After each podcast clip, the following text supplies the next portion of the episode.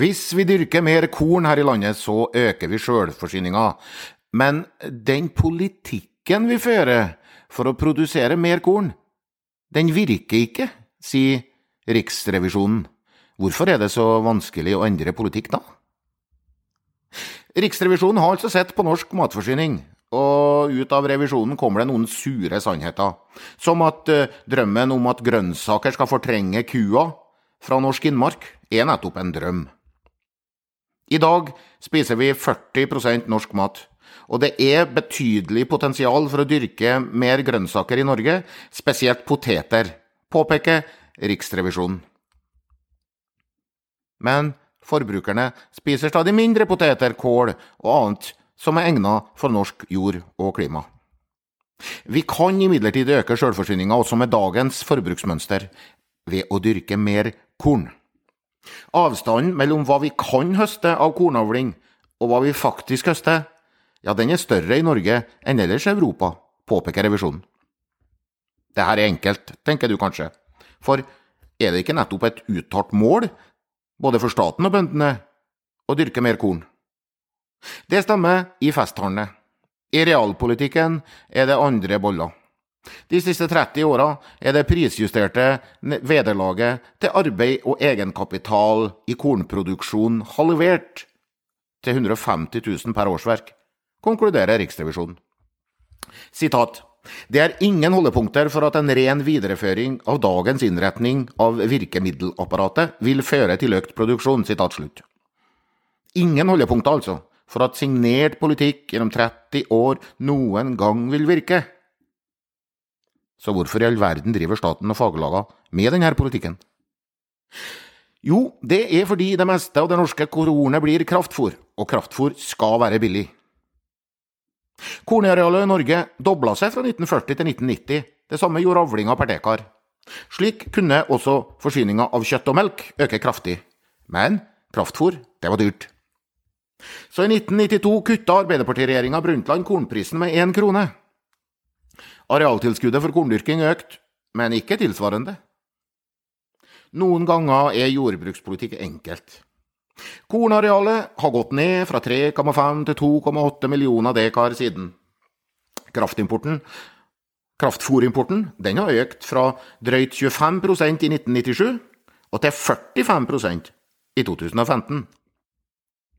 Lamme- og storfekonsumet det har stagnert, mens forbruket av billig svin og kylling det tok av. Også i grasdistriktene ble kraftfòrsiloene større. For hvorfor plundre med mer slått i våte somre for å mette en voksende bøling med kyr i fjøset?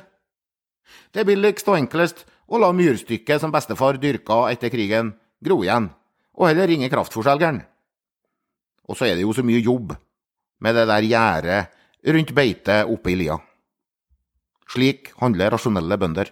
De tilpasser seg rammevilkår. Nå har Riksrevisjonen påpekt resultatet. Korndyrkinga, den som ga Norge sivilisasjon, og Bondelaget sin logo, tar skade.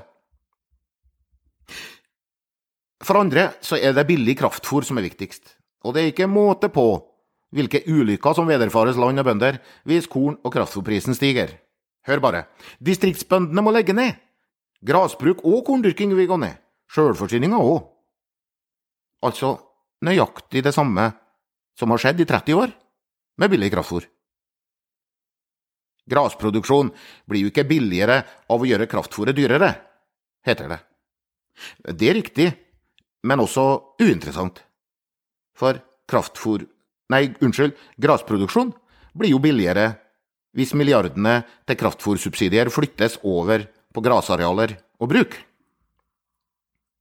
Bondelagsveteran Anders Felde frykter at melkeproduksjonen flyttes til kornområder dersom kraftfôret blir dyrere. Men virkemiddelapparatet er rigga for å hindre nettopp det her. Ingen produserer gras på kornjord med tap om avlinga er aldri så stor. Det blir dyrere for et par tusen kylling- og svineprodusenter når kraftfôrprisen stiger. Kylling og svinekjøtt må bli dyrere. 40 år med voldsom forbruksøkning kan reverseres. Det er ikke så bra for industrien. Lam og storfe de kommer til slakteriet når årstidene og de biologiske prosessene tilsier det. For industrien så er jevne leveranser gjennom hele året det beste. En økning i kornprisen på mellom 20 og 80 øre vil øke kornproduksjonen med 10-20% viser prissimuleringa fra Ruralis. Men vil landbruks- og matminister Geir Pollestad fra Senterpartiet endre virkemiddelapparatet for økt korndyrking, siden Riksrevisjonen jo påpeker at det ikke virker? Det er foreløpig uklart.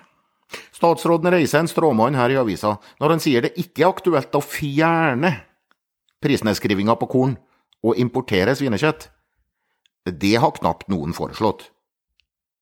Norsk svinekjøtt skal være konkurransedyktig, sier Pollestad. Han bør sjekke omsetningstallene.